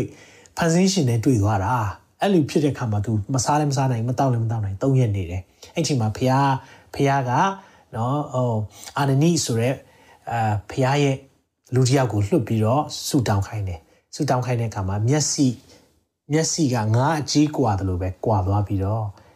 ပြန်ကောင်းသွားတယ်အဲ့ဒီမှာဖခင်အတွက်အသက်ရှင်တော်သူဖြစ်လာတယ်ဆိုတော့အတိတ်ပဲပါလဲဆိုတော့ရည်ရွယ်ချက်ကဖခင်ရဲ့လမ်းညွှန်ချက်ရရှိဖို့ရန်အတွက်အစာရှောင်တာဖြစ်တယ်အာမင်ဒါကြောင့်မလို့သင် direction ပြောင်းနေလားသင် ဘာလို့ရမှန်းမသိဘူးလားအမှုတော်မြတ်ထဲမှာဘိုင်ဆက်သွားမှန်းမသိဘူးလားသခင်ယေရှုနဲ့တွေ့ပြီးသွားပြီဒါပေမဲ့ဘာဆက်လို့ရမှန်းမသိဘူးဆိုရင်ဘာလုပ်ဖို့လိုလဲအစာရှောင်ဖို့လိုတယ်အာမင်ဒါကို၃ရက်အစာရှောင်ခြင်းပထမတစ်ခုက၁ရက်ပြီးတော့၃ရက်ပြီးတော့9ရက်အစာရှောင်ခြင်းဒီ9ရက်အစာရှောင်ခြင်းကြတော့ရည်ရွယ်ချက်ကကြည်ကွဲခြင်းကိုပြတဲ့အချိန်မှာလည်းသုံးတယ်เนาะဆိုတော့ ခုနှစ်ရက်ရှောင်ရင်ကြည်ကွဲခြင်းပြတယ်အဲ့လိုတော့ပြောတာမဟုတ်ပါဘူးเนาะပြောချင်တဲ့သဘောတချို့ခုနှစ်ရက်ရှောင်တယ်အကြောင်းမျိုးမျိုးနဲ့ရှောင်လို့ရတယ်ဆိုတာပြောပြချင်တာဖြစ်တယ်ဒါပေမဲ့ရှောလူတည်တဲ့အချိန်မှာသူ့ရဲ့เนาะအာအယိုးတွေကိုယူပြီးတော့ယာဘတ်မြို့ရဲ့တစ်ပင်အောက်မှာတကြိုလိုက်တယ်သူ့ရဲ့သားပေါ့နော်ဂျော်နသန်နဲ့ခုနှစ်ရက်ပတ်လုံးအစာရှောင်ကြရတယ်ဆိုတာတွေ့ရတယ်တနည်းအားဖြင့် a time of morning လို့ခေါ်တယ် morning လို့အဓိပ္ပာယ်ကအညီးတွားမိတန်းခြင်းပေါ့နော် ငိုကြွေးမိတန်းခြင်းဆိုပြောရင်ပုံမှန်ပါလိမ့်မယ်နော်အာမိတန်းတဲ့အချိန်ပေါ့သူတို့ငိုကြွေးပြီးတော့ဝမ်းနေတဲ့အရာကိုပြတဲ့အချိန်မှာအစာရှောင်ခြင်းဖြစ်တယ်ဒါခုနှစ်ရက်အစာရှောင်တဲ့အရာလဲကျန်စာထဲမှာတွေ့ရတယ်เนาะပြီးရင်10ရက်အစာရှောင်ခြင်းเนาะခုနကျွန်တော်တို့အနေငယ်ပြောပြီးပြီဆိုတော့10ရက်အစာရှောင်ခြင်းကြတော့ဘာအတွက်ရှောင်တာလဲဆိုတော့ကျမ်းမာရေးရနော်ကျမရေးနဲ့ရှောင်းတယ်ဒိုင်ရီလာအစာရှောင်ခြင်းပထမတစ်ခါကိုပြောတာနော်10ရက်အစာရှောင်တာကျမရေးနဲ့ရှောင်းတာဖြစ်တယ်လို့ထိုးထွင်းသောပညာရဖို့နော်ဒိုင်ရီလာကိုအားလုံးသိတဲ့အတိုင်းပဲ တကယ်ကိုထိုးထွင်းတဲ့ဉာဏ်ပညာဖျားပေးတယ်ဒါပေမဲ့ तू ကသူ့ဘက်ကလည်းပြတ်သားတယ်နော်အဲ့ဒါလေးကိုလိုနားလေစေခြင်းနဲ့ယုံကြည်သူများဖျားနဲ့ပတ်သက်ရင်လေ compromise မလုပ်တာပိုကောင်းတယ်အာဘယင်ကြီးကျွေးတာပဲအာနာစရာကြီးဆိုတော့ယောမ73ရဆိုရင်တော့အုတ်ချုပ်မင်းလုပ်တဲ့သူတွေရဲ့အမိန့်ကိုနာခံရမယ်ဆိုတော့ဘယင်ကြီးကျွေးတာဆိုစားလိုက်မယ်မဟုတ်ဘူးဖះနဲ့ပတ်သက်လာရင်တော့လေသူတို့ပြစ်ပြတ်တသားရက်တည်တယ် ဒါကိုတွေ့ရတယ်နော်မိတ်ဆွေဒါကြောင့်မလို့ကျမ်းမာရေးနဲ့ထိုးထွင်းသောပညာရရှိဖို့ဆိုရင်တော့မိတ်ဆွေကိုဘာလုပ်စီချင်လဲဆိုရင်တော့ဆယ်ရက်ဟင်းသီးဟင်းရွက်နဲ့ရေနော်ပြောချင်တာတသက်လို့ပေါ့နော်တသက်လို့စားတာအဲတသက်လို့လို့လည်းပြောလို့ရတယ်ဒီအပေါ်မှာမူတည်ပြီးတော့အခုကဘာမှာဘာတွေခစ်စားလဲဆို Daniel fasting ဆိုပြီးတော့21ရက်လဲသူတို့လုပ်တာရှိတယ်เนาะလုံးဝအသားမစားဘဲနဲ့21ရက်ဟင်းသီးဟင်းရွက်ပဲစားတာကျွန်တော်တို့တောင်ဒီနှစ်အစောပိုင်းမှာ အာဒီအသင်းတော်အနေနဲ့ကျွန်တော်စားရှောင်ကြသေးတယ်21ရက်သွားတယ်အကျွန်တော်နှစ်တိုင်းကျွန်တော်21ရက်သွားတယ် Daniel fasting ကိုကျွန်တော်သွားတယ်အဲ့ဒီအချိန်မှာတကယ်ကိုကျမ်းမာလန်းဆန်းတဲ့အရာတွေ့ရတယ်။ဘာကြောင့်ဆိုအသားစားတဲ့အခါမှာကျွန်တော်တို့ကကိုယ်ခန္ဓာမှာနော် protein ဓာတ်ရတာဟုတ်ပါတယ်ဒါပေမဲ့ပဲကနေလည်း protein ဓာတ်ရတယ်လीနော်ဆိုတော့ဒီအရာလေးတွေနဲ့ healthy health တွေဆိုတိတ်မစားဖြစ်ကြဘူးတော်ရုံတရုံအသားပဲကြိုက်တယ်ကျွန်တော်တို့တွေသူသဖြင့်စီပြန်ဟင်းဆိုတိတ်ကြိုက်တယ်နော်ဆိုတော့ဒါလေးတွေကို ကြည့်တဲ့အခါမှာတစ်ခါလီမှာကျွန်တော်ဒိုင်ရီလအစာရှောင်ခြင်းများလိုအပ်ကောင်းလိုအပ်လိမ့်မယ်เนาะအဓိကတော့เนาะထိုးထွင်းသောဉာဏ်ဆိုတာဘုရားရဲ့တခုခု decision တွေချမယ်ဆုံးဖြတ်ချက်ချမယ်ဆိုရင် တွေ့ဝေးတယ်ဆိုရင်ကျွန်တော်တို့ကျမကြီးရောเนาะနောက်ပြီးတော့ထွေးထွေးကြောညံရဖို့ဆိုရင်တော့ကျွန်တော်အကောင်းဆုံးဒီဒိုင်ရီလာအစာရှောင်ခြင်းနဲ့ရှောင်လို့ရတယ်ဆိုတဲ့အကြောင်းလည်းပြောပြခြင်းတယ်เนาะဟုတ်ပြီနောက်14ရဲ့အစာရှောင်ခြင်းဒီ14ရဲ့အစာရှောင်ခြင်းကြတော့သူ့ရဲ့ရွယ်ချက်ကတော့ ဘာဖြစ်လဲဆိုတော့ပေါလုပေါလုနဲ့အသူဒီတမန်တော်ဝိတ္ထုထဲမှာဘာအကြောင်းတွေ့ရလဲဆိုတော့သူဒီအေဝံဂေလိသွားတဲ့အချိန်မှာတင်းမောပေါ်မှာတင်းမောပြက်ကြတာပေါ့နော်အဲ့ဒီမှာလိုက်တဲ့လူတွေကအာအစာမစားဘဲနဲ့14ရက်လောက်နေကြတယ် အဲ့ချိန်မှာပေါလုကအစာစားကြပါလို့ပြောတယ်ဆိုတော့ဘာကြောင့်သူတို့မစားကြလဲဆိုတော့သူတို့ကဖျားရဲ့အကွေကချင်းလဲလူတယ်တက်အန်ရရှိလာတယ်နောက်ပြီးတော့ပို့ဆောင်ခြင်းပေါ့နော်ဖျားရဲ့ပို့ဆောင်ခြင်းနဲ့မျောလင့်ခြင်းမျောလင့်ချက်တွေမဲ့သွားပြီဒါကြောင့်မလို့ကျွန်တော် highlight လုပ်ထားပေးတယ်တင်တော့ဒီ14ရက်ပတ်လုံးမျောလင့်၍ယနေ့တိုင်အောင်အစာမစားဘဲငတ်မွလျက်နေကြ၏တဲ့အစာမစားနိုင်ကြဘူးအစာမရှိတာမဟုတ်ဘူး မစားတာเนาะဆိုတော့ထို့ကြောင့်အစားစားကြလောစားလင်ချမ်းသာရခြင်းအကြောင်းဖြစ်လိမ့်မည်တဲ့เนาะဆိုတော့ပေါလုကတော့ပြန်ပြီးတော့စားခိုင်းရတယ်စားကြပါအောင်လို့ပြန်ပြောတယ်။ဘာကြောင့်လဲသူတို့အသက်အရန်အန်ဒီအရန်ဆိုးရင်ပြီးတော့ဖခင်ရဲ့ကွယ်ကာခြင်းရဲ့လမ်းပြပို့ဆောင်ခြင်းရဲ့သူတို့လိုချင်တဲ့အခါမှာဒီရဲ့အစာရှောင်ခြင်းရှိတယ်။ပြောချင်တဲ့သဘောကပါလဲဆိုတော့လူကတကယ်တမ်းခက်ခဲလာပြီဆိုရင်အစာရှောင်ခြင်းကလေအထွေထူးကြီးပြောစရာမလိုဘူးလှုပ်လာတယ် ဒါကိုပြောချင်တာပါယုံကြည်သူများအစာရှောင်ခြင်းအကျင့်ဆိုတဲ့အရာကကျွန်တော်တို့လှုပ်ဖို့လိုတယ်လှုပ်ဝက်လက်နက်ဖြစ်တယ်ဒါကြောင့်လှုပ်ဝက်လက်နက်ဖြစ်တဲ့အခါမှာကျွန်တော်တို့ကမကြာခဏဒီလှုပ်ဝက်လက်နက်ကိုလေတွေးနေဖို့လိုတယ်เนาะလိုတဲ့အခါမှာထုတ်သုံးနိုင်အောင်အတွင်းလူကိုခိုင်ခန့်ဖို့ရန်အတွက်လုပ်ဖို့ဖြစ်တယ်အာမင်နောက်21ရက်အစာရှောင်ခြင်းကိုကျွန်တော်တွေ့တဲ့အခါမှာဒါကတော့ဒန်ယေလကဖျားပေးတဲ့ယူပါယုံတွေကိုမြင်တွေ့တယ်မြင်တွေ့တဲ့အခါမှာ तू လဲကြောက်ပြီးတော့ဘာဆက်လုပ်ရမှမသိဘူးเนาะဆိုတော့အဲ့ဒီမှာ तू က အရက်20တရက်တိုင်တိုင်ကျွန်တော် highlight လုပ်ထားတာပဲဖတ်တော့မယ်နော်အရက်20တရက်တိုင်တိုင်ချိုးချံစွာကျင့်လျက်နေ၏အရက်20တရက်မစိမီမြိန်သောမုံကိုမစားနော်ဆိုတော့မြိန်သောမုံဆိုတာတခြားမဟုတ်ပါဘူးအချိုကိုပြောတာနော်ဆိုတော့ အမြင်သောမုံဆိုကျွန်တော်ကိတ်နေပါတယ်နော်ကိတ်လိုက်တာဟလာကိတ်နေပါတယ်ဆိုကျွန်တော်အရန်ကြိုက်ကြတယ်နော်ဆိုတော့စီးချိုသမားတွေဟလာစီးချိုစားလို့ရတဲ့ကိတ်ရှိတယ်ဆိုတာမျိုးတွေပါတယ်အမှန်တော့နော်ဒါတွေကဟိုမစားရင်ပူကောင်းတဲ့အရာတွေပါနော်ဆိုတော့လှုပ်ရှားမှုနဲ့အစားတောက်ဆင်ခြင်စီးချိုယောဂါတကယ်ကို ပျောက်တဲ့အရာဖြစ်တယ် lifestyle နဲ့ဆိုင်တယ်เนาะဆိုတော့ဟုတ်ပြီဆိုတော့အဲ့ဒီမှာဗာပြောလဲဆိုတော့မုံကိုမစားအမဲသားဆိုအသားပေါ့เนาะပြီးစပြည့်ရီကိုမမီစီလိန်ချင်းကိုလည်းအလင်းမပြူတဲ့ဆိုတော့အဲ့ဒီမှာတကယ်တော့ဒန်ယေလ21ရက်အစာရှောင်တာကဒီဗျာဒိတ်စကားတွေဖျားပြတဲ့အရာတွေမြင်တဲ့အခါမှာ तू ကြောက်လန့်ပြီးဘာဖြစ်မလဲမသိဘူးဆိုပြီးတော့အဲ့ဒီမှာ तू ကစိတ်တော့ကနေကြည်ကွဲခြင်းကြုံလို့ ရှောင်တာဖြစ်တယ်เนาะဒါပေမဲ့အခုချိန်မှာတော့ဒိုင်ယေလ21ရက်စာရှောင်ခြင်းဆိုပြီးတော့ဟင်ဒီဟီရနဲ့ဒါလူတွေကတော့စီးပွားရေးအနေနဲ့လောက်ကြတာလည်းရှိတယ်အမျိုးမျိုးပေါ့เนาะစီးပွားရေးအနေနဲ့လောက်တဲ့ခါမှာလည်းကျွန်တော်တို့အာတချို့ကလည်းလိုက်လောက်ကြတယ်ဝယ်ကြတယ်เนาะနောက်ပြီးရင်အစာရှောင်ခြင်းကဟိုအာအခုပေါ့เนาะ breakfast ဖြစ်ဖြစ်တနတ်ရှောင်တဲ့ဟာမျိုးလည်းရှိတယ်ဥပမာဆိုရင်သူညစာစားပြီးရင်နောက်နေ့လယ်မှပြန်စားတာမျိုးပေါ့နော်အချိန်ကြာကြီး16နာရီလောက်မစားဘဲနေတာမျိုးစသဖြင့်အဲလိုမျိုးတွေလည်းသူတို့လှုပ်တာလေးရှိတယ်ကျမ်းမာရေးရပေါ့နော်ဆိုတော့တကယ်လဲ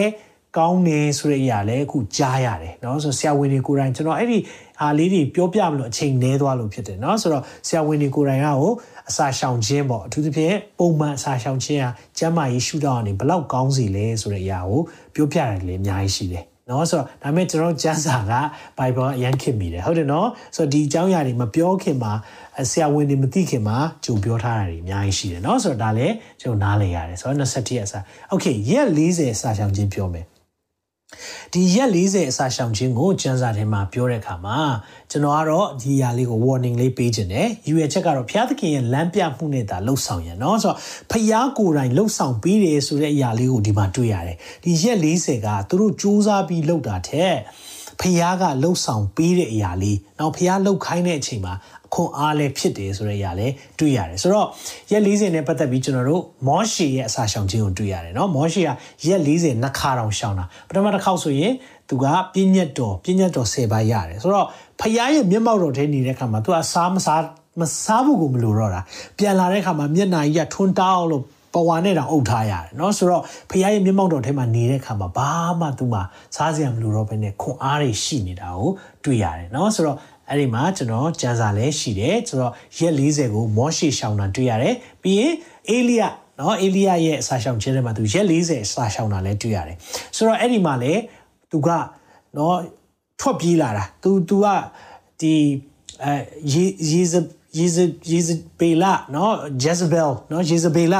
ကနေသူ့ကိုချင်းချောက်တဲ့အခါမှာကြောက်ပြီးတော့သူ ပြေးလာတာပေါ့နော်တကယ်တော့သူကဘာလဖျား450နော်ဘာလဖျားကိုးကွယ်တဲ့ prophet 450ကိုရှင်းပြီးသားရှင်းပြီးတော့သူကအောင်နိုင်ပြီးတော့မှအဲ့အချိန်မှာနော်ဘီမိဖျားကြီးကပြောလိုက်တယ်မင်းကိုတတ်မယ်နော်ဆိုသူလည်းကြောက်ပြီးတော့ပြေးလာပြေးတဲ့အခါမှာသူအမှအိတ်နေတဲ့အခါမှာကောင်းကင်တမန်ကထပြီးစားပါတဲ့နှခောက်ကြွေးတယ်အဲ့မှာနောက်ဆုံးအကြောင်းလေးကိုဖတ်ဖတ်မယ်နော် ထိုအစာအာဟာရကိုအမိပြု၍အရက်40ခီးသွား၍ဘုရားသခင်နှင့်ဆိုင်သောဟောရက်တောင်သို့ရောက်သဖြင့်ဥမင်တဲ့သို့ဝင်၍နေ၏အဲ့ဒီအစာအာဟာရကိုမိပြုပြီးအရက်40ခီးတောင်သွားလိုက်သေးတယ်เนาะဆိုတော့ဒါပေမဲ့ဒါကဘုရားလှုပ်ခိုင်းတာနဲ့ဘုရားရဲ့လှုပ်ဆောင်စေတဲ့အရာဖြစ်တဲ့အခါမှာခွန်အားဖြစ်တယ်เนาะဒါကိုလည်းနားလည်စေခြင်းနဲ့ဆိုတော့သခင်ယေရှုခရစ်တော်ရဲ့အစာရှောင်ခြင်းခုနကျွန်တော်တို့လည်းဒီအရာကိုပြောပြီးပြီ ဒီမှာမာနရဲ့စုံစမ်းသွေးဆောင်ခြင်းကိုခံမိကြဝိညာဉ်တော်သည်ယေရှုကိုတောနိုင်ပို့တယ်เนาะဒါကလည်းဖခင်ရဲ့ဥဆောင်မှုနဲ့လှုပ်တဲ့အရာဖြစ်တယ်ဆိုတာကိုသိစေခြင်းတယ်ဒါပေမဲ့တခုတော့ရှိတယ်ဒီရက်40အစာမရှောင်ခင်အထီကိုသခင်ယေရှုကတယောက်မှကိုကြမ်းမာခြင်းတော့เนาะအမင်းနမိတ်လက္ခဏာတစ်ခုမှမလုပ်ခဲ့ဘူးဒီအရာတွေအားလုံးလုပ်နိုင်ခြင်းကဘာလဲဆိုတော့ဘုရားခွန်အားနဲ့လုပ်တယ်ဆိုတာကိုပြောပြချင်တာဖြစ်တယ်เนาะသူကိုယ်တိုင်เนาะလူစားတိခံတဲ့ဘုရားဆင်ဆင်ဖြစ်ပြီမယ် ကျွန်တော်တို့တွေကိုစံနမူနာပြတာဖြစ်တယ်။ဒါကြောင့်မလို့အစာရှောင်တဲ့ခါမှာတချို့ကအမှုတော်ဆောင်တွေရက်40သွားတာရှိတယ်နော်။ရက်40သွားတဲ့လူတွေသွားနိုင်ကြပါတယ်။ဖះခွန်အားပေးတဲ့ခါမှာတကယ်လေးလုံနိုင်ပါတယ်နော်။ကျွန်တော်ဘဝမှာတော့ရက်40အထိမသွားဘူးသေးဘူး။ဖះပို့ဆောင်တဲ့အချိန်မှာတော့သွားခြင်းနဲ့သွားဖို့လည်းမျှော်လင့်တယ်နော်။အဲ့ကြရင်ဖះဘာတွေထပ်ပြီးတော့ကျွန်တော်တို့ကိုအာဖွင့်ပြမလဲ။ဗျာဒိတ်တော်တွေဘာတွေ နားလေစီမလဲဆိုတာလေးရင်ခုန်တယ်เนาะဒါပေမဲ့ဖះမခိုင်းမဲတော့ကိုစူးစမ်းရင်တော့ကျွန်တော်ခံနိုင်မှာမဟုတ်ဘူးဆိုတာသိတယ်ဆိုတော့ဖះခိုင်းတဲ့အချိန်ထိကျွန်တော်ဒီအရာကိုစောင့်နေတယ်ဆိုတာလည်းပြောပြချင်တယ်เนาะဒါကြောင့်ရက်40သွားနိုင်တဲ့သူတွေအရန်ကုန်ယူပါတယ်သွားနိုင်လို့လည်းဖះပို့ဆောင်တယ်ဒါပေမဲ့တစ်ချိန်တည်းမှာပဲကျွန်တော် warning လဲပေးချင်တယ်အဲ့ဒါပါလဲဆိုတော့ဆိုတော့အစာရှောင်တဲ့အရာကောင်းတယ်လို့ကျွန်တော်တို့သိတဲ့အခါမှာတစ်ခါလေမှကျွန်တော်တို့ကဒါကိုစူးစမ်းပြီးလုပ်တဲ့အခါမှာတချို့လေယောဂဖြစ်တဲ့လူလည်းရှိတယ်။ နောက်သိဆုံးတဲ့သူတွေလည်းကြားဘူးတယ်။နော်နောက်နောက်ပြီးရင်တချို့ကယောဂရှိရဲ့သားနဲ့အစာရှောင်လိုက်တဲ့အခါမှာပူဆိုးသွားတာလည်းကြုံဘူးတယ်။အဲ့လိုမျိုးဖြစ်တဲ့အခါမှာကျွန်တော်တို့ကဘာအောင်နားလေစေချင်လဲဆိုတော့တင်းဥပမာနော်တရက်အစာရှောင်ခြင်းဒါမှမဟုတ်ရင်၃ရက်အစာရှောင်ခြင်းသွားတဲ့ဟာမျိုးကြရင်တော့အဆင်ပြေတတ်ပေမဲ့ရက်ရှည်ဒီထက်သွားမယ်ဆိုရင်တော့ဖြစ်နိုင်မယ်ဆိုရင် medical advice ဆိုတာဆေးပညာရဲ့ ဘူးเนาะအကြံပြုချက်ဒါမှမဟုတ်ရင်ဝိညာဉ်ရေးရာ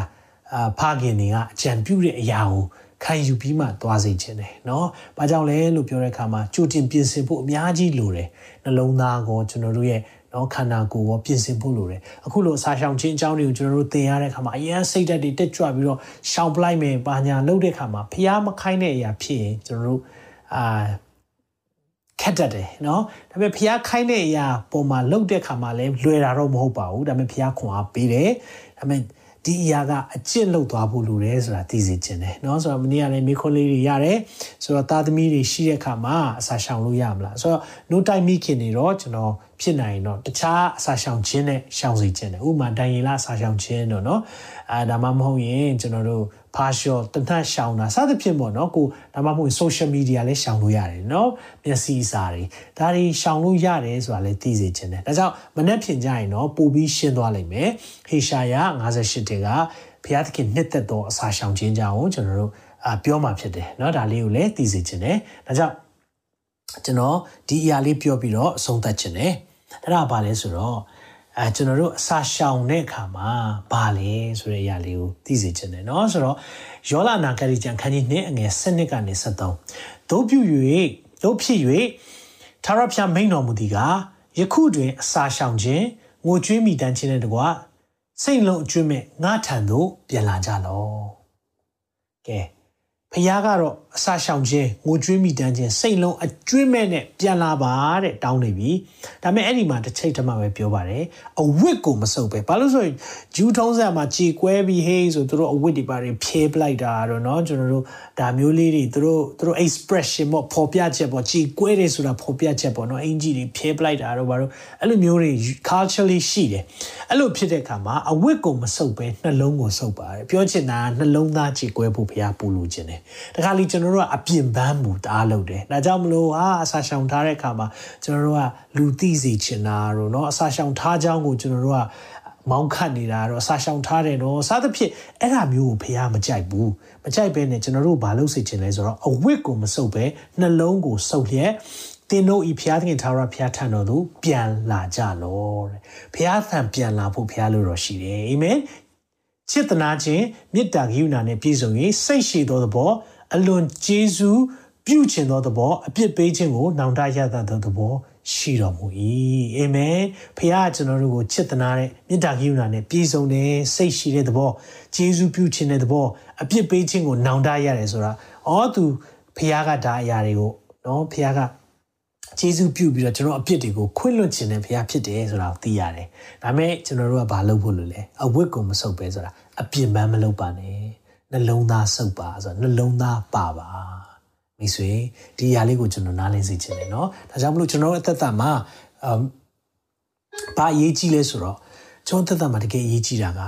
နှလုံးသားဖြစ်တယ်။ခရိယန်ဘဝမှာကျွန်တော်တို့အရေးကြီးတဲ့အရာတော်တော်များများသည်နှလုံးသားဖြစ်တယ်။အာမင်ဒါကိုကျွန်တော်တို့သိကြတယ်နှလုံးသားထဲမှာဖခင်ကကျွန်တော်တို့ကိုဘလောက်ထိကြည်တယ်လဲဆိုတာကိုသိချင်တယ်သိစေချင်တယ် ကျွန်တော်နှလုံးသားကိုအရင်ကြည့်တယ်ဖခင်ဖြစ်တယ်ကျွန်တော်နှလုံးသားထဲမှာဘာတွေရှိနေတယ်ဆိုတာကိုဖခင်ကျွန်တော်တို့ကိုအမြဲတမ်းဆန်းစစ်ခိုင်းတယ်အာမင်ဒါကြောင့်မလို့ကျွန်တော်ဒီနေ့မှာနှလုံးသားကိုခဏလောက်ပြင်ဆင်စေချင်တယ်တချို့လူတွေအစားရှောင်တော့မယ်လို့ဆုံးဖြတ်လိုက်မယ်ချို့လူတွေလည်းအော်ငါဒီအရာလေးတွေကိုလှုပ်ကြည့်မယ်လို့စပြီးခံစားရတဲ့သူတွေရှိလိမ့်မယ်။ဒါပေမဲ့ကျွန်တော်အရင်ဆုံးဆူတောင်းပေးခြင်းတယ်။ ဘာကြောင့်လဲလို့ပြောတဲ့အခါမှာမိတ်ဆွေကိုဖခင်ရဲ့ခွန်အားနဲ့တွားစေခြင်းတယ်။ဖခင်ရဲ့ခွန်အားရဲ့မဆခြင်းရှိမှသာလေတင်းရဲ့သက်တာကိုဖခင်ပို့ဆောင်နိုင်မယ်။အာမင်။အဲကြောင့်ခဏလောက်မျက်စိမိတ်ထားပြီးတော့ဖခင်ရှိမှလက်ခံတဲ့ position လေးနေပေးပါ။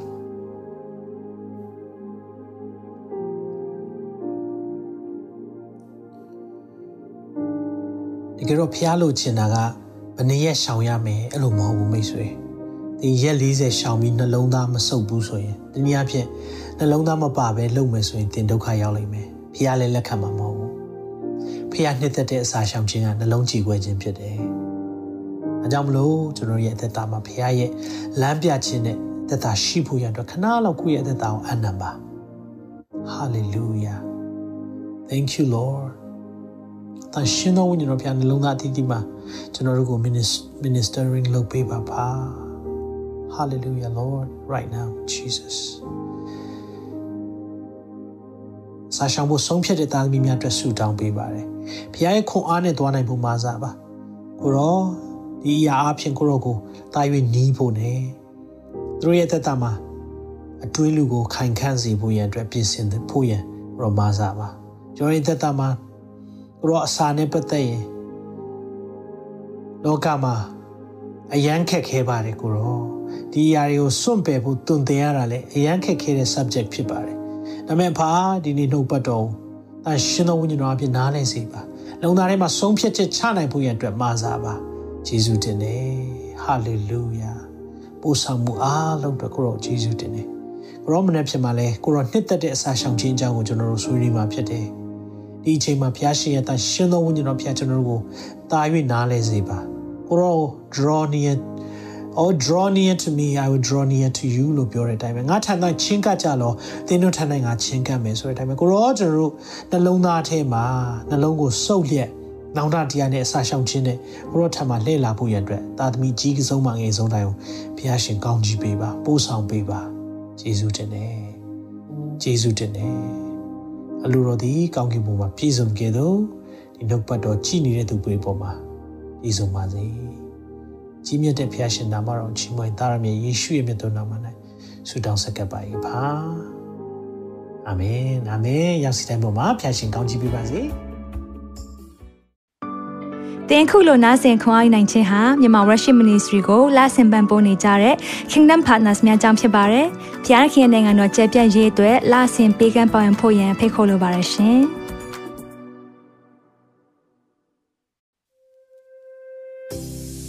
ကြားနာခဲ့ရတဲ့နှုတ်ပတ်တော်အဖြစ်ခွန်အားရရှိမဲ့လို့ယုံကြည်မျှော်လင့်ပါတယ်။ခွန်အားရဆိုလို့ရှိရင်ဒီတစ်ပတ်နဲ့ပြန်လည်ဝင်မြပေးဖို့ရန်တောင်းဆိုပါရစေ။မြန်မာ Worship Ministry ရဲ့ website myanmarworship.com ကိုလည်းလာရောက်လေ့လာဖို့ရန်အတွက်ဖိတ်ခေါ်ချင်ပါတယ်။တစ်ချိန်တည်းမှာမြန်မာ Worship Ministry ရဲ့ social media platform များဖြစ်တဲ့မြန်မာ Worship YouTube Channel, မြန်မာ Worship Facebook Page နဲ့မြန်မာ Worship Instagram များကိုလည်းလာရောက်လေ့လာဖို့ရန်အတွက်ဖိတ်ခေါ်ချင်ပါတယ်။နောက်တစ်ချိန်မှာပြန်လည်ဆုံတွေ့ကြပါစို့။ဖျားရှင်ကောင်းကြီးပေးပါစေ။